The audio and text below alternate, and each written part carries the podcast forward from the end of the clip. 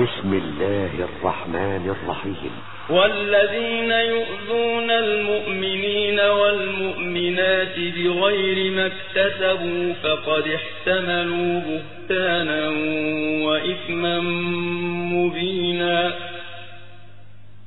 يا قل لأزواجك وبناتك ونساء المؤمنين يدنين عليهن من جلابيبهن ذلك أدنى أن يعرفن فلا يؤذين وكان الله غفورا رحيما أولي oni koji i vjeri se vrijeđaju, a oni to ne zaslužuju, tovare na sebe klevetu i pravi grijeh. O vjerovjesniče, reci ženama svojim i kćerima svojim, i ženama vjernika neka spuste haljine svoje ni za se. Tako će se najlakše prepoznati, pa neće napasovane biti. Allah prašta. Allah prašta. إن الحمد لله نحمده ونستعينه ونستغفره ونعوذ به من شرور أنفسنا ومن سيئات أعمالنا من يهده الله فهو المهتد ومن يضلل فلن تجد له وليا مرشدا وأشهد أن لا إله إلا الله وحده لا شريك له وأشهد أن محمدا عبده ونبيه ورسوله وصفيه من خلقه وخليله أدى الأمانة وبلغ رسالة ونصح الأمة وكشف الله تعالى به الغمة وجاهد في الله حق جهاده حتى أتاه اليقين يا أيها الذين آمنوا اتقوا الله حق تقاته ولا تموتن إلا وأنتم مسلمون يا أيها الناس اتقوا ربكم الذي خلقكم من نفس واحدة وخلق منها زوجها وبث منهما رجالا كثيرا ونساء واتقوا الله الذي تساءلون به والأرحام إن الله كان عليكم رقيبا يا أيها الذين آمنوا اتقوا الله وقولوا قولا سديدا يصلح لكم أعمالكم ويغفر لكم ذنوبكم ومن يطع الله ورسوله فقد فاز فوزا عظيما أما بعد فإن أحسن الكلام كلام الله وخير الهدي هدي محمد صلى الله عليه وسلم وشر الأمور محدثاتها وكل محدثة بدعة وكل بدعة ضلالة وكل ضلالة في النار Cijenjena braćo i poštovane sestre, kazao je Allahov poslanik sallallahu alaihi wasallame u hadisu koga je zabilježio ima muslim u svome sahihu. E dunja meta, o hajru meta i dunja zauđatu saliha dunjaluk i ovaj prolazni svijet to su sve varljiva naslađivanja varljiva naslađivanja i prolazne ljepote a najbolja od tih prolaznih ljepota i od tih dunjalučkih ovosvjetskih ukrasa jeste dobra i lijepa čedna žena Uzvišeni Allah te barake wa ta'ala hvali poslušne i lijepe i čedne žene pa kaže Jalla šanu qawamuna ala nisa bima بما Allahu ba'dahum ala ba'd wa bima anfaku min anvalihim فالصالحات قانتات حافظات للغيب بما حفظ الله Hvali uzvišeni Allah tebareke wa žene koje su poslušne i koje su kreposne i čedne koje čuvaju sebe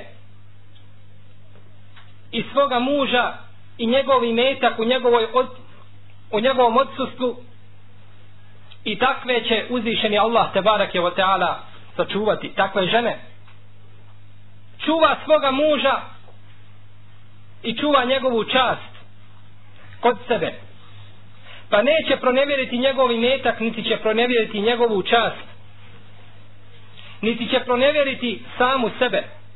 Kaže, znači, poslanik, sallallahu alaihi wasallame, da je žena najbolja od cijelog ovoga dunjalučkog prolaznog blaga. Jer je čovjek isto tako prolazan kao i sve što je stvoreno. Ima svoj ograničeni životni period jedna od osobina koja krasi pravu vjernicu muslimanku i upotpunjava njenu čednost i krepost jeste stid jeste stid za koga je Allahov poslanik sallallahu alaihi wasallam kazao u hadisu koga su zabilježili Buharija i muslim el haja'u hajrun kullu stid dolazi sa svakim dobrom stid je svako dobro i bileže Buharija i Muslim da je jedan od Ensarija korio svoga brata muslimana zbog prevelikog stida koji je imao bio je suviše stidljiv pa ga je korio njegov brat pa kada je to čuo Allahov poslanik sallallahu alaihi wasallam rekao je ostavi ga, pusti ga u istinu stid ne dolazi nego sa dobrim a u drugoj predaji koja je također kod Buhari i kod muslima kaže poslanik sallallahu alaihi wasallame stid je dio imana u isto jednom od predanja koji se isto nalazi u dva sahiha kaže poslanik sallallahu alaihi wasallame iman se sastoji 60 i nekoliko ogranaka u drugoj predaji iz 70 i nekoliko ogranaka najveći stepen imana jeste da čovjek kaže la ilaha in Allah da izgovori riječi koje će ga sačuvati batre džahennemske a najniži stepen imana jeste da čovjek ukloni neku prepreku koja je na putu koja smeta i uznemirava svijet a kaže poslanik sa u istom hadisu a stid je dio imana Znači stid je dio imana. Nije poslanik sallallahu alejhi ve sellem rekao da je stid najmanji dio imana, nego je stid dio imana. Allah zna samo koliko mjesto pripada je li pripada imanu odnosno stidu u imanu. U predaji koju je zabilježio imam Hakim navodi se da je poslanik sallallahu alejhi ve sellem rekao el haya wal imanu kurina jami'an kaže iman vjerovanje ispravno u Allaha Đelešanuhu i stid su povezani to su dvije povezane nerazdvojive komponente fe iza rufija ehaduhuma rufija al ahar a kaže kada nestane jedna od ote dvije stvari nestane druge kada nestane stida onda nestane i vjere a kada nestane vjere nestane i stida znači povezano je vjerovanje usko povezano sa stidom. Stid je, kažemo, draga moja braća, odlika vjernice muslimanke. To je ono što je krasi i povećava njenu stepen kod Allaha te barake o teana, a i kod ljudi na ome svijetu. U jednoj se predaji navodi koju obilježi imam Dejleni da je poslanik sallallahu alaihi wa sallam rekao el hajau hasen walakin fin nisai ahsen stid je lijepa osobina i lijepo svojstvo no međutim kada se stid nađe kod žene to je još lepše to je još lepše ova predaja iako ima mahanu u svome lancu prenosilaca nju podržavaju svi šarijatsko pravni argumenti koji govore o vrijednosti stida o vrijednosti stida u islamu. Zato stid povećava stepen jedne žene u očima ljudi na, na Dunjaluku. Pa je bolje čovjeku da oženi ženu koja ima stid, a ne zna ni jednog jedinog ajeta iz Allahove knjige, osim onoga što je treba za namaz, bolje mu je doženi takvu ženu nego hafizu Kur'ana koja nema stida. Jer žena koja ima stid, nju će njen stid natjerati prema Allahu Đelšanu, jer ona se stidi ne samo ljudi, stranaca, nego se stidi Allaha te barake o teala, pa će je taj stid natjerati i on će biti povodom da ona nauči nešto iz Allahove knjige. Pa će se stiti da sredne svoga gospodara, a da ne zna ništa od Kur'ana. Dok žena koja je naučila Kur'an, nju taj isti Kur'an koji postiče na stid, nije poučio stidu. Odnosno, bolje kazati, nije ona uzela pouku iz Kur'ana, pa da bi bila znači da bi bila stidna.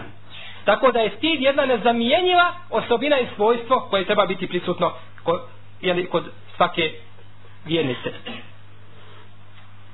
Zato, draga moja braćo i cijenjene sestre, ne mogu se nikada poistovjetiti oni koji pozivaju u ove moralne vrijednosti u stid da se žena oblači na način kako je to uzvišeni Allah te barake o teala propisao ne mogu se poistovjetiti nikada sa onima koji pozivaju u nekakvu emancipaciju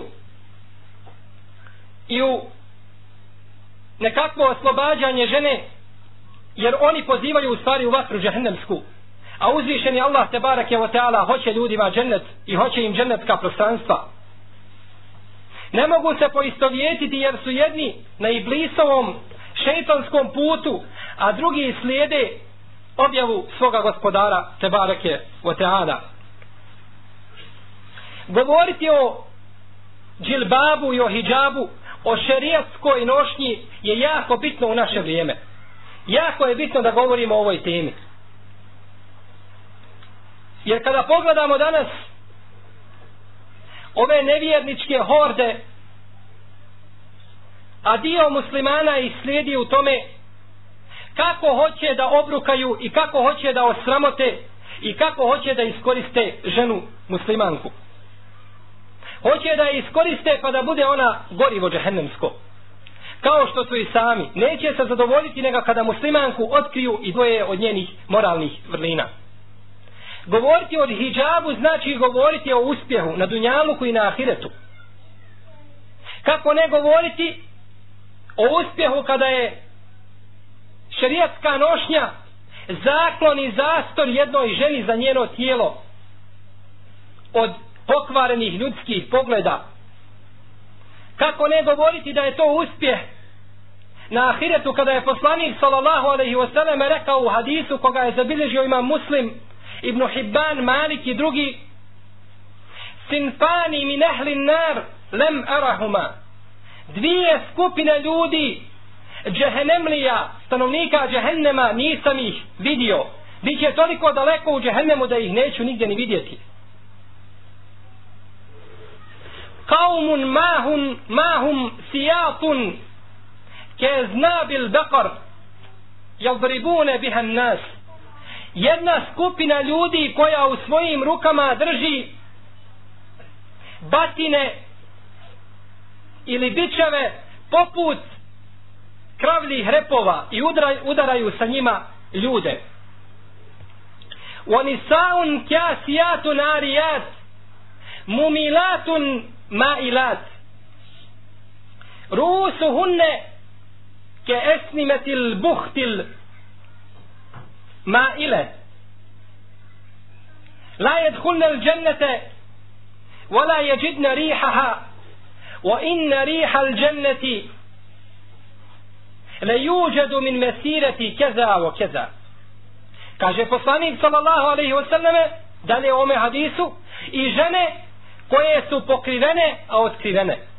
Žene koje su pokrivene, a otkrivene, kjasijatu narijat, kjasijat, otkrivene. Os, oprostite, kjasijatun pokrivene, arijatun otkrivene. Mumilat, koje poučavaju druge žene toj ružnoj naviki da budu otkrivene. Ma i latun koje su skrenule sa pravoga puta koje su nepokorne svome gospodaru Tebara Kevoteala. Rusu hunne ke esnimetil buhtil ma ile a njihove glave izgledaju kao krive grbe horosanskih deva. La yadkhulna al-jannah neće ući u džennet ولا يجدن ريحها لاتكنات تمريس جنتك وإن ريح الجنة ليوجد من مسيرة كذا وكذا أو إستن جنتك ميس أستتنا طلقي إطلقي أدالنست نيكين أستت ميس جنة أكملي بشي أوتي جنة Kaže imam Neovi, rahimehullahu ta'ala, u ome hadisu dolazi do izražaja jedna od poslanikovi sallallahu alaihi wa sallam muđiza a to je da nas obavijesti da će biti ome umetu ljudi koji će batinjati svijet sa takvim bičevima koji će izgledati kao kravni repovi i da nas obavijesti da će doći vrijeme da će doći vrijeme kada će žene biti pokrivene a otkrivene kako to pokrivene a otkrivene kaže imam neovi kad je ovako kaže, ako je ovako bilo u prijašnjim generacijama, što onda kaže kazati za naša vremena? U vremenu, vremenu u kome mi živimo. A imam Leovi je živio u 7. hiđetskom stoljeću. A mi kažemo šta onda kazati za naš i naša vremena nakon još 7 hiđetskih stoljeća. U kakvom smo mi fitnetu i u kakvoj smo mi opasnosti.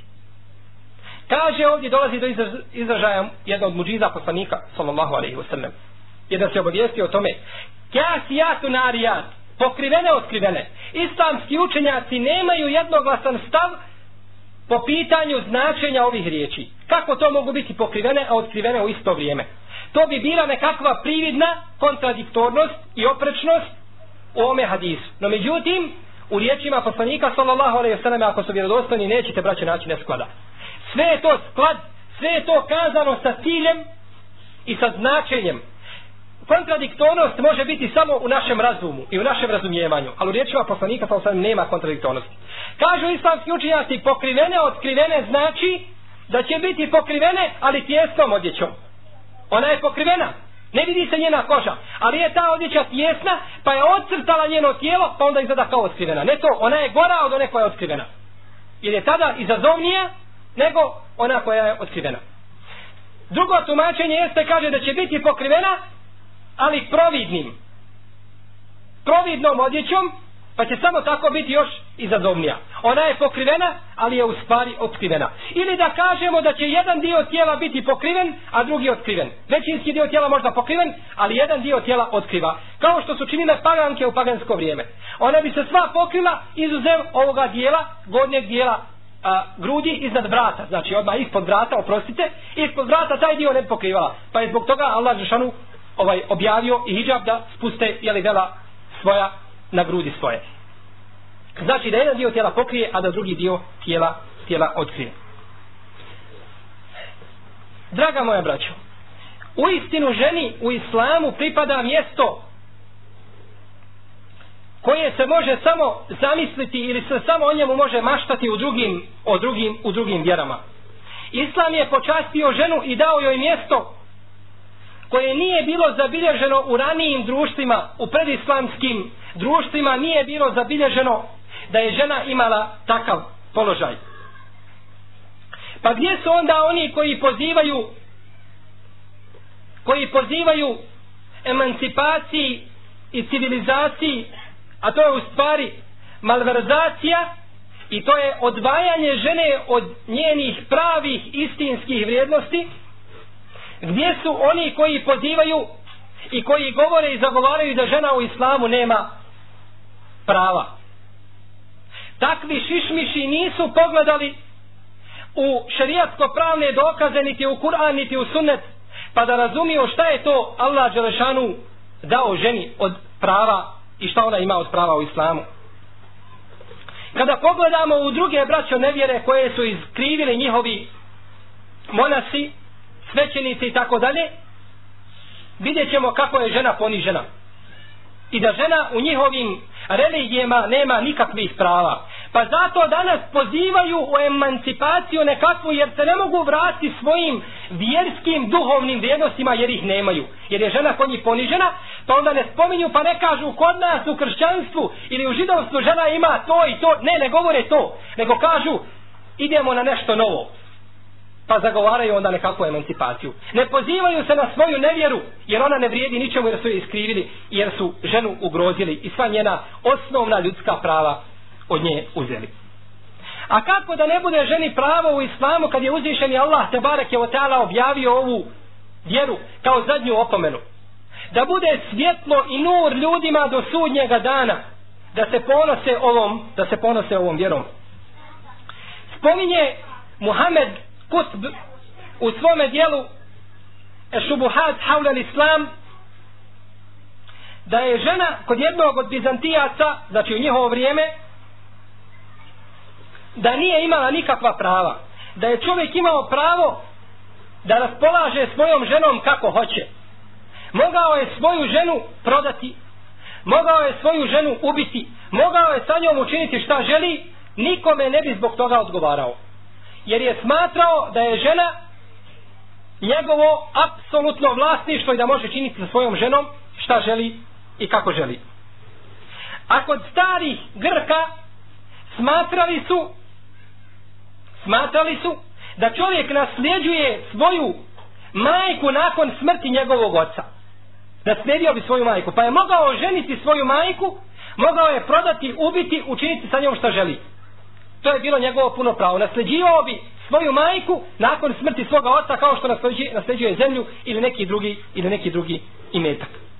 I zato ovaj ružni običaj je ostao kod jednog dijela Arapa.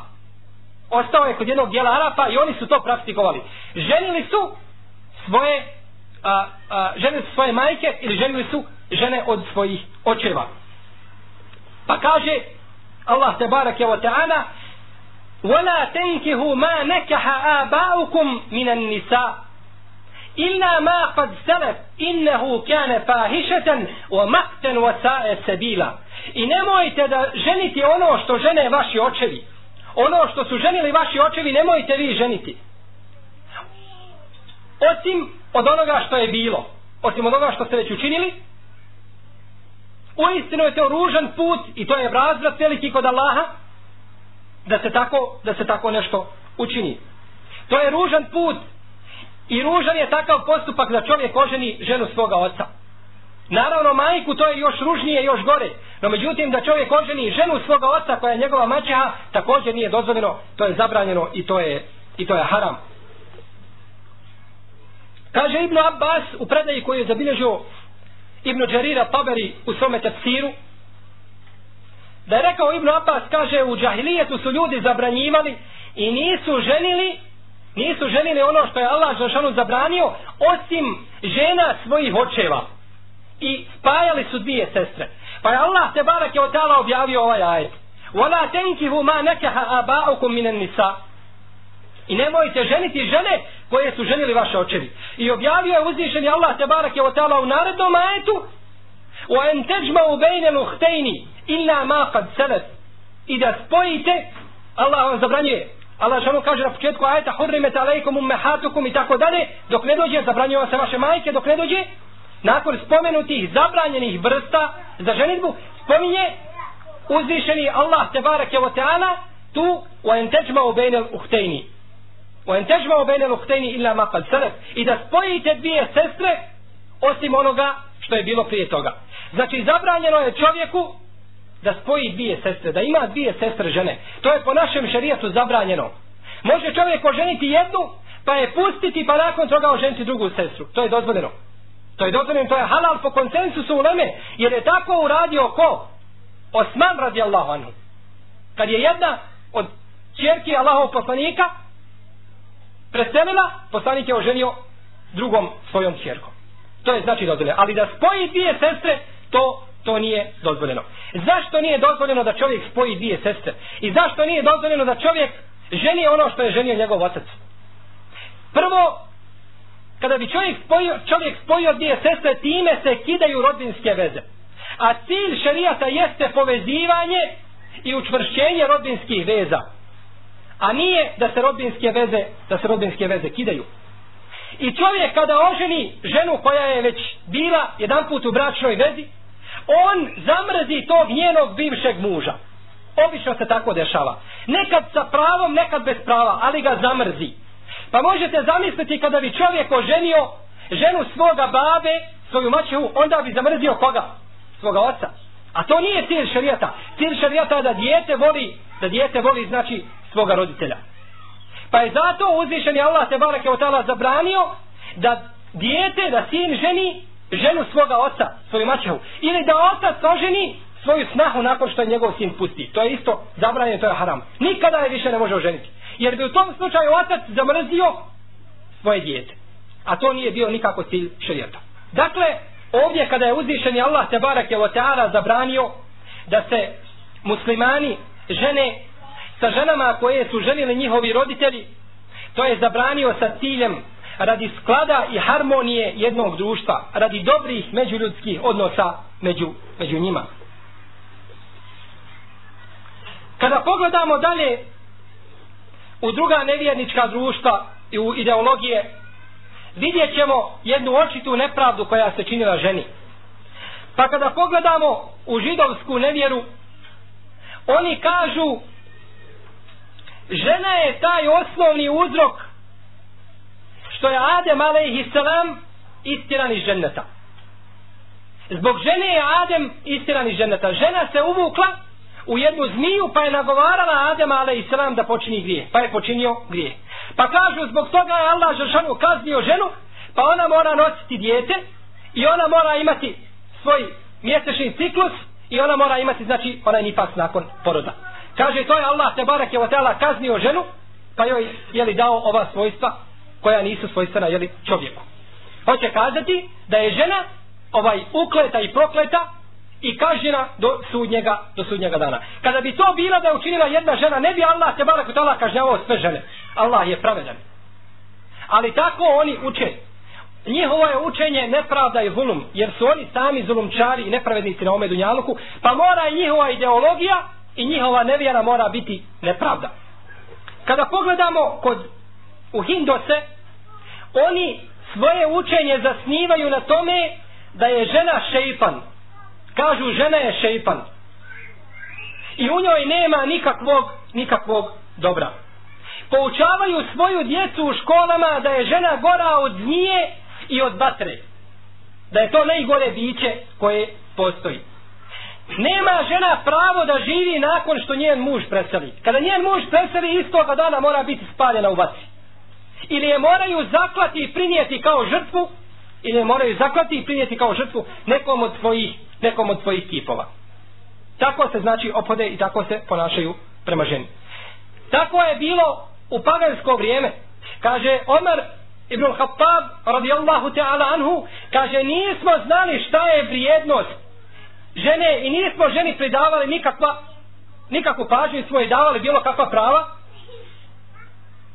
kada smo bili u džahilijetu sve dok nije Allah te barak je otala došao sa islamom i objavio i objavio islam pa smo onda kaže počeli davati ženama ono što im pripada od prava u jednoj se predaji navodi koji bilježi imam Buharija Kaže, nismo dozvolili našim ženama da nam se obraćaju nikako. Nije žena mogla upitati muža zbog čega i kako i zašto. To nije imala pravo. To je bilo strogo zabranjeno. Kaže, su drugoj predaji, kaže, jedne me prilike upitala, kaže, pa sam se patio pruta. I kaže, počeo sam je, i počeo sam je, kaže, već, već sam je počeo, kaže, udarati. Znači, ovo je bilo nakon islama, nakon što je došao islam, ostalo je tih svojstava u čovjeku. Jer čovjek kada se u paganstvu nauči, i privikne da udara svoju ženu, onda i kad uđe u islam, on se ne može lahko osloboditi te loše navike. Pa je neophodno da žena bar sedmično osjeti težinu njegove ruke. To je neophodno, da ne bi zaboravila kako izgleda to kada muž udari svoju ženu. Ne može se osloboditi tog, ružne, tog ružnog običaja i te ružne navike, iako Allahu Đelšan na srcu pada. Iako je čita hadis za poslani kaže, nemojte udarati svoje žene. Ne može se opet osloboditi opet znači njegova žena ovaj doživljava iste stvari one koje je doživjela u paganstvu. Pa kakva je onda vrijednost njegovog islama? Kakva je onda vrijednost njegovog islama? Kažemo, ovdje su ljudi u ovim društvima ugnjetavali ženu i njena osnovna prava uzimali. Nije se ona smatrala nikako, nikako se nije smatrala živim bićem. 1973. godine, braćo, pogledajte ovaj slučaj i zapamtite ga dobro. Pa vidite onda emancipaciju i civilizaciju i kulturu kojoj poziva ovo pokvareno zapadnjačko kršćansko društvo. Koji se predstavljaju svijetu kao mirotvorci, kao dobročinitelji, pozivaju u fadilet i u dobrote. Hoće ženu da oslobode islamskih okova umišljenih islamskih opova. Pa su 1973. godine napravili jedan simpozij svojih monaha i svojih svećenika, pa su raspravljali. Pa kažu, prvo pitanje i jedino pitanje, da li žena ima dušu? Da li žena ima dušu? Neki spominju da su ovo bili neki francuski kršćani i svećenici da je to bilo u ranijem periodu. No međutim, ova je verzija za koju sam saznao da to bilo 1973. godine. Znači, u prošlom stoljeću. Kaže, kažu, ima li žena dušu? Nekako su se smilovali, pa kažu, dobro, ima dušu. E, kaže, hajde sad da vidimo je li njena duša insanska ili je hajvanska, životinska, ili je šeitanska. Da vidimo kakva je njena duša. Pa su kazali, dobro, pretpostavimo da je njena duša insanska, da je ona čovjek nekakav, nekako živo biće, da li ona zavrijeđuje da bude, da li zavrijeđuje da bude sluga u kući svoga muža? Da li može biti sluga da služi svoga muža u njegove kući? Pa su jedva pristali na to da žena ima pravo da služi svoga muža u svojoj kući. Pogledajte stanja kod kršćana, kod savremenog, naprednog, civilizovanog svijeta, kako se oni ophode i kako oni mišljenja imaju prema ženi. Zaslužuje jedva da bude sluga u kući svoje u kući svoga muža. A pogledajte braće u islamu. Pogledajte kako je u islamu. Svaki čovjek je u islamu, to možemo slobodno kazati, da je on sluga svoje žene. Islam je takav. Čovjek je u islamu, sluga svoje žene. I on služi svoju ženu. Tako je u islamu. Takav je islam. Pogledajte šerijatsko pravne dokaze i pogledajte praksu poslanika sallallahu alejhi ve selleme, pa ćete vidjeti ko vidjet ćete dobro ko je kome sluga. Čovjek mora da radi na polju i da stiče opskrbu za svoju porodicu, za svoju ženu i za svoju djecu. Da je hrani, da je odjeva. I nakon toga, kada dođe od sunneta i lijepo da svoju ženu u kući pomogne. Da pomogne u njenim svakodnevnim ovaj, poslovima koje čini.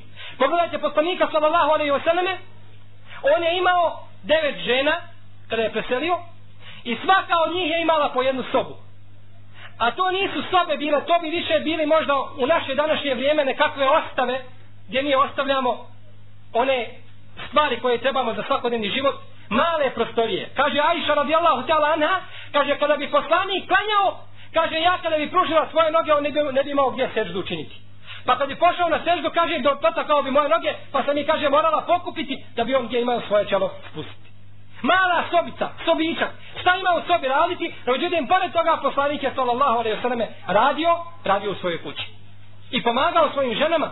I zato ne smeta čovjeku muslimanu vjerniku da uhvati u svoje ruke u sivač ili bilo šta drugo da učini od posla u kući. To je sunet poslanika najboljeg Allahovog groba koji je kročio zemaljskom kuglom.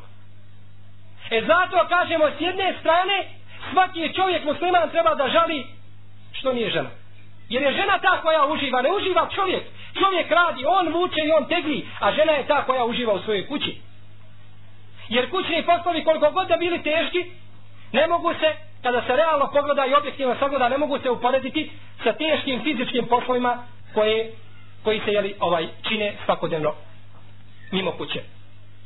Zato kažemo, s jedne strane, čovjek treba ovaj, da žali musliman, što ga nije Allah se barek učinio ženom, pa da tako uživa upravo suprotno onome čemu pozivaju čemu pozivaju kršćani u današnje vrijeme i čemu su pozivale njihove priješnje generacije njihovi pokvareni očevi ovo su znači ljudi i generacije koji pozivaju i koji zagovaraju da u islamu ima nepravda prema ženi i da žena nije dobila svoja osnovna ljudska prava u islamu.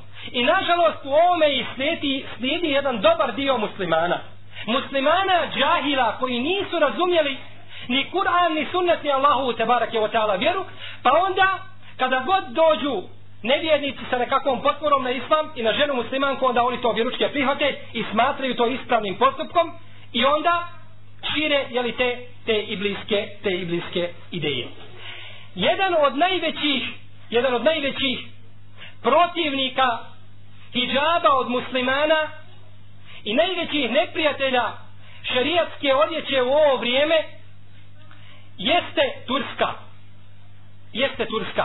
Ta zemlja koja zaslužuje desetine potresa koji su joj se desili. Ona to u istinu zaslužuje.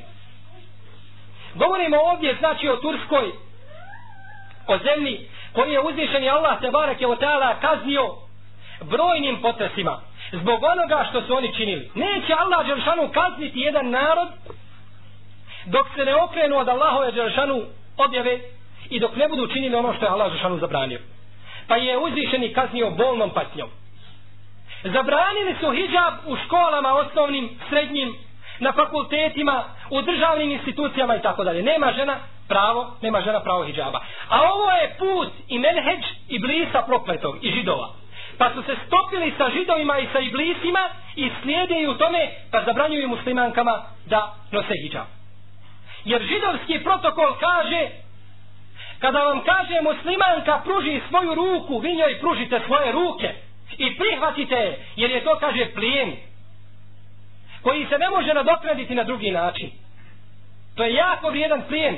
I nećete, kaže, doći do kutca da ga srušite i da na tom kutcu svoj zamišljeni hejkel napravite, kaže, dok ne skinete hijab žene muslimanke sa njene glave niti ćete, kaže, doći do Kabe, dok ne odvojite Kur'an iz muslimanskih srca, iz, od, iz srca muslimana, muškaraca. Kada skinete sa žene taj hijab i tim hijabom pokrijete Kur'an, pa žena bude otkrivena, a Kur'an pokriven, e onda ćete vi doći do kuca, onda ćete doći i do Kabe. To je njihov cilj. I to je njihov put. To u njihovom protokolu stoji. Koga su postavili da pesad i nered po zemlji siju, jedna od tih tačaka jako biti za njih jeste da pokvare ženu ne ženu općenito nego ženu muslimanku jer su druge već onako pokvarene pa hoće znači da pokvare muslimanku i da time i da time jeli zavladaju sa muslimanima ovdje kada govorimo o Turskoj i o njenim nasrtajima i napadima otvoreno na islam a to je kufur u Allaha te barake o tela da se nešto zabrani da se praktikuje da Allahove Đelšanu vjere i da se ne dozvoljava to izvodi čovjeka iz vjere govorimo o vlasti o turskim vlastima ne govorimo o narodu narod turski je kao i drugi muslimanski narod među njima ima vjernika pravih mukmina a ima onih koji su blijedi u svome vjerovanju ima fađira, pasika a ima i nevjernika no međutim ovdje kada govorimo govorimo o vlastima jer su vlasti zabranile Oni su to u Turskoj zabranili, pa šta su onda učinili? Čak su tražili od francuske ambasade u Turskoj da zabrani svim Turkinjama u Francuskoj da nose hijab. Nisu se šeitani zadovoljili da zabrane hijab gdje u svojoj zemlji, nego kaže svim Turkinjama koje žive u Francuskoj, mi ćemo tražiti posredstvom francuske ambasade da se zabrani da nose hijab. Pa je francuska ambasada prihvatila taj poziv I nakon izvjesnog vremena dolazi im odgovor, kažu francuzi, mi to kaže ne možemo zabraniti. Mi živimo u demokratskoj zemlji. Mi smo demokratska zemlja, pa ne možemo to ljudima, jeli, ovaj, zabraniti. Vidimo, znači, braćo, kolika je, koliko je neprijateljstvo nekih muslimana prema islamu. I kako mrze islam. U svojoj duši, kada se spomene nešto od islama, i od onoga što od Kur'ana i od sunneta tada se u njihovim grudima ne pojave samo varnice nego se sve lomi vulkani iz njegovih vulkani mržnje iz njihovih grudi izbiju i onda dođu na kraju da brane muslimanima da budu da budu muslimani. Jer kada ne mogu muslimane odvojiti na lijep način od vjere, onda ih, onda ih prisiljavaju i prisiljno ih odvajaju. Zar nije osnova da žena taj lijepi biser i ukras bude sakriven negdje i da se ne pokazuje svakome. Onaj ko ima sredstva i meta, gdje ga čuva? Da li ga iznese na ulicu pa da svako gleda njegov imetak ili to krije? Pod šiframa takvim i takvim ne može i onaj ko provali nekakve bankarske sisteme i tako dalje. Ne može lako doći do toga da uzme ta sredstva. Jer je to osigurano. Krije i čuva ono što je vrijedno. A za nije poslanik rekao da je najvrijednija stvar na Dunjaluku. Šta? Žena, lijepa i čedna žena, nije imetak i nije, i nije nije para.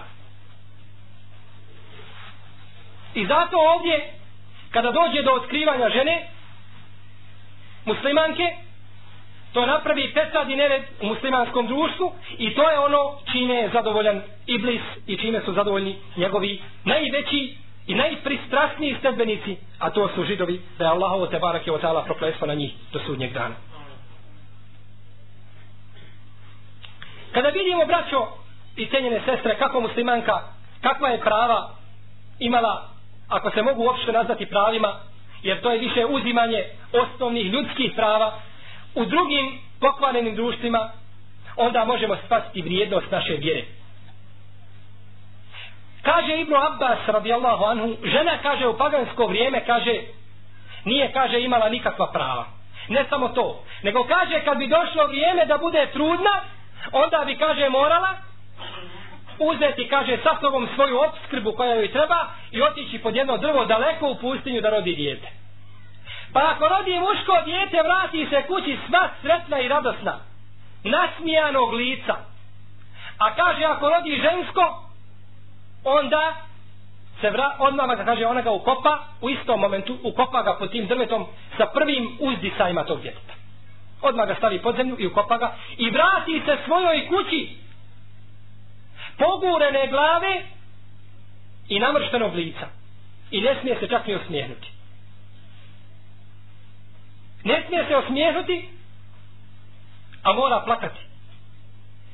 Zbog onoga što traži, što traži od nje društvo u kome se nalazi. Jer su se tada ženska djeca ubijela i živa ukopavala. Zato kaže Katade radijallahu anhu, Čudim se, kaže čovjeku koji ujutro iziđe iz svoje kuće, vodi sa sobom psa, vodi pašće sa sobom. Cijeli dan ga hrani i sa njim se igra, a kaže kada se naveče vrati svojoj kući i čuje da mu je žena rodila žensko dijete, kaže njegovo lice pocrni i postane tužan i naredi da se to dijete jeli, ukopa. Zato, braćo, kada bismo danas mi vidjeli čovjeka koji koji je dignuo svoje ruke Allahu te barake o tala i kaže Allahu dragi vrati nam to prvo vrijeme paganstva koje je bilo vrati nam to prvo vrijeme paganstva ne bi to bilo ono najveće zlo jer bi se taj čovjek u najmanju ruku smatrao od onih koji između dva zla biraju, biraju manje zlo jer ono pagansko vrijeme koje je bilo je kudi kamo bolje nego pagansko u kome živi danas ovaj napredni zapad materijalno napredni zapad u čemu živi to je gore kudi kamo gore nego ono u čemu su živjeli pagani u prvo, u prvo njihovo vrijeme neka od žena koja je trebala da se uda kada je doš, kada dođe vrijeme udaje smatrala je to najgorim periodom za sebe.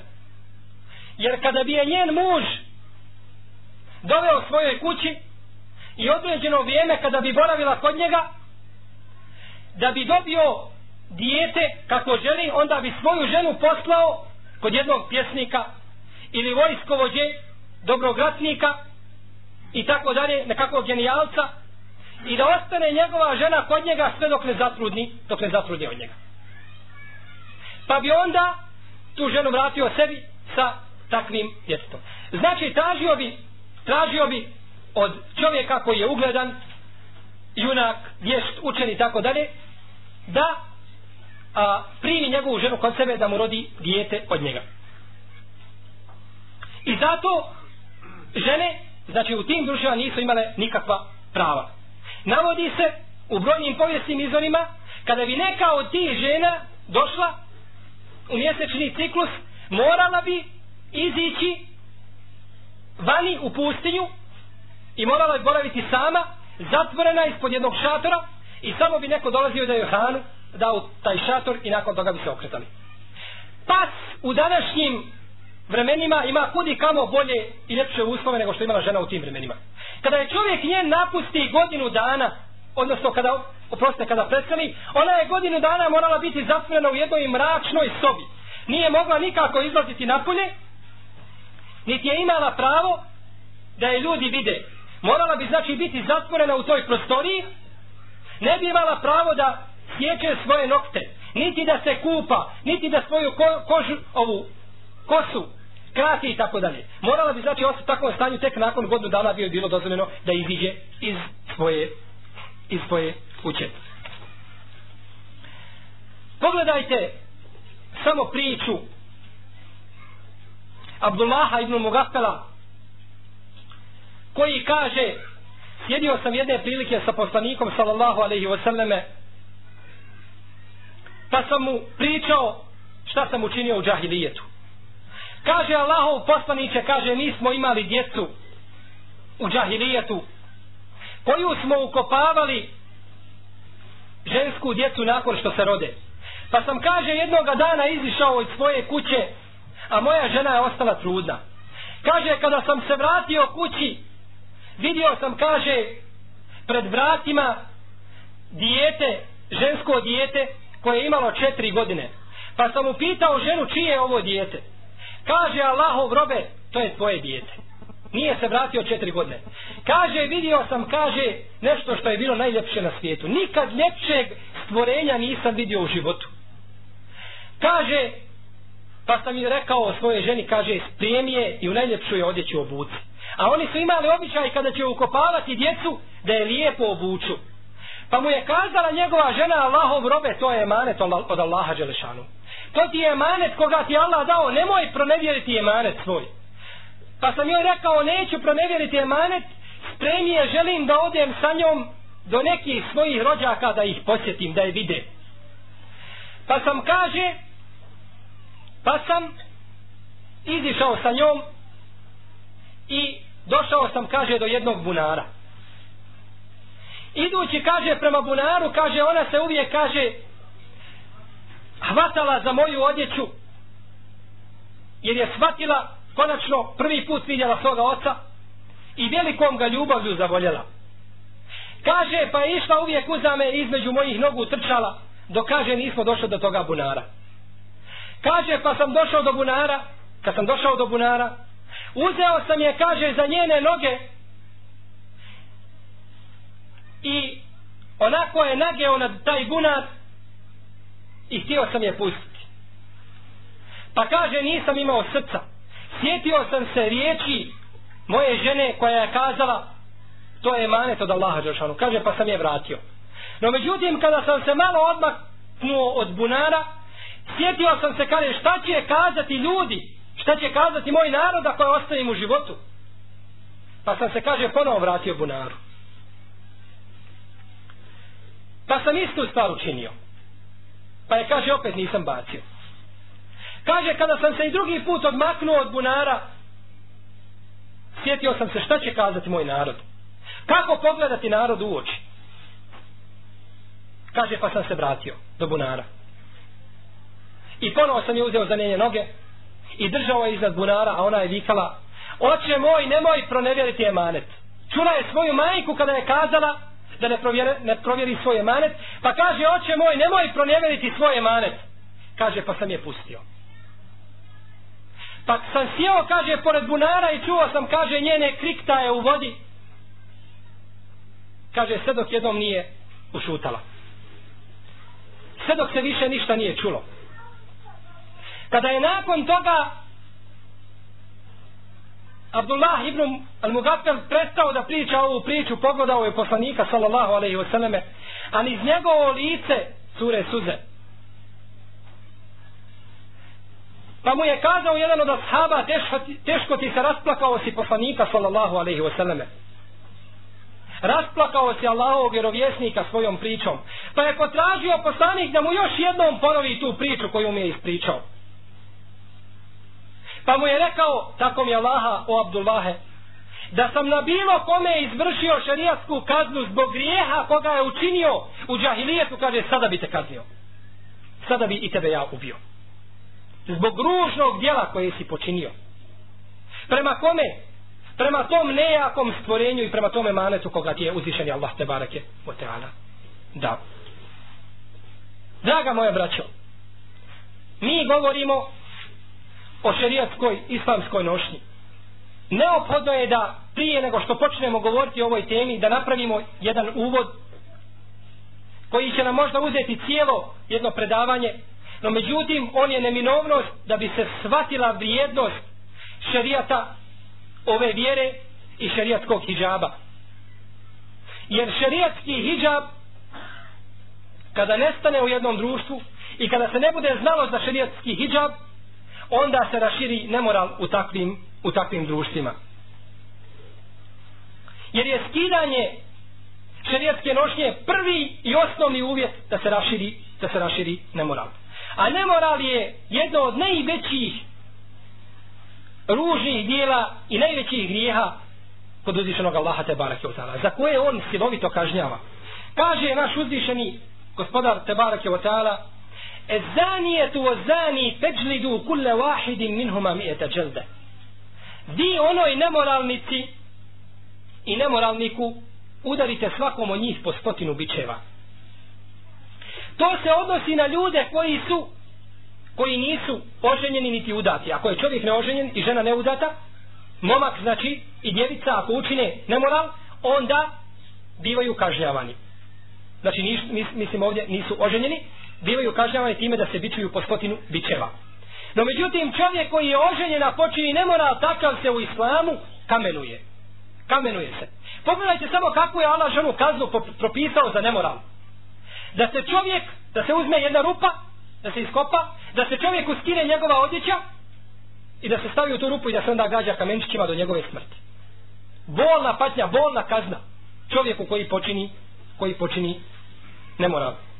Ovo ukazuje neminovno na veličinu i pokuđenost tog djela i na sramno djelo koje je čovjek, koje je čovjek učinio. Ako je znači čovjek oženjen i žena udata, onda bivaju kamenovani. Do smrti. No međutim, ako je čovjek momak i djevojka koja nije bila udavana, oni se bičuju. Bičuju se sa stotinu bičeva i bit će protjerani jednu godinu iz svoga mjesta. Po većini islamskih učenjaka. Osim po Ebu Hanifi, koji kaže da se takvi prepustaju sultanu, da on može nekakve dodatne mjere i sankcije poduzeti, neće biti protjerani. No, međutim, po većini islamskih učenjaka bit će protjerani. I to potvrđuje predaja Ebu Hureyne koji je zabilježio imam Buharija u svome sahihu i muslim da je jedan čovjek iznajmio od drugog čovjeka njegovog sina da radi kod njega. Pa je ovaj počinio nemoral sa njegovom ženom. Pa je došao otac toga jeli, dječaka ili momka koji je počinio nemoral sa njegovom ženom, pa ga iskupio, dao mu je stotinu ovaca i jagnje i vratio svoga sina nazad. Pa su došli kod poslanika sallallahu alaihi wasallam i kazali, o Allahov poslaniće, on je učinio tako i tako. Kaže, pa smo mi pitali nekih učenih, pa smo pitali nekih učenih, pa su kazali da mora biti da mora biti kažnjen on sa stotinu bičeva a ona da mora biti kamenovana. Kaj pa, pa je kazao poslanik sa osanem, tako mi Allaha presućujem po Allahovoj knjizi. Njemu pripada stotinu bičeva i godinu dana da se protira iz svoga mjesta. A kaže, idite njegovoj ženi, pa ako prizna, onda je kamenujte. Jer se ona ne može kamenovati samo njegovim priznanjem. To nije dovoljno. Moraju biti četiri svjedoka. Koja su to vidjela. A ako ona prizna nju, nju kamenujte. Pa su bičevali ovoga momka i protirali ga, a otišli njegovoj ženi pa je priznala, pa su je, pa su je kamenovali. Dakle, pogledajte samo kako je uzvišeni Allah te barake o teala bolnu patnju pripremio za onoga ko počine moral. Jer je to, braćo, jedno ružno djelo. Jer je to ružan čin koji kvari, koji kvari cijelo jedno društvo. A hijab, šerijatska islamska rošnja, je upravo taj prvi zastor i prvi bedem koji sprečava činjenje i širenje nemorala u muslimanskom u muslimanskom društvu. Mi ćemo uz Allahu te barake otala pomoć nastaviti govoriti o ovoj temi o islamskom hijabu govorit ćemo u narednim našim izlaganjima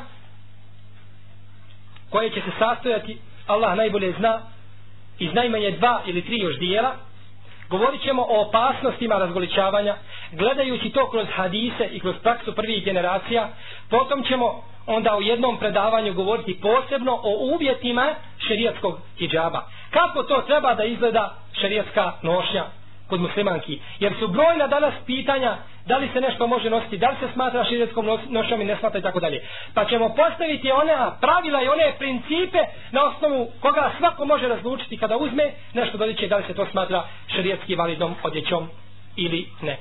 Molim uzvišenog Allaha te barake od tala da nas uputi na pravi put, da ojača naš iman, da popravi stanja muslimanki, da učini muslimane borcima za njihovu vjeru i da nam najbolje muči naša zajedna djela i da nas spoji u, u džennetu sa poslanikom sallallahu alaihi wasallam iskrenim dobrim i šahidima a divno su oni društvo wa sallallahu ala nebina muhammedinu ala alihi wa sahabi ajma'in wa jazakumullahu khayra jazakum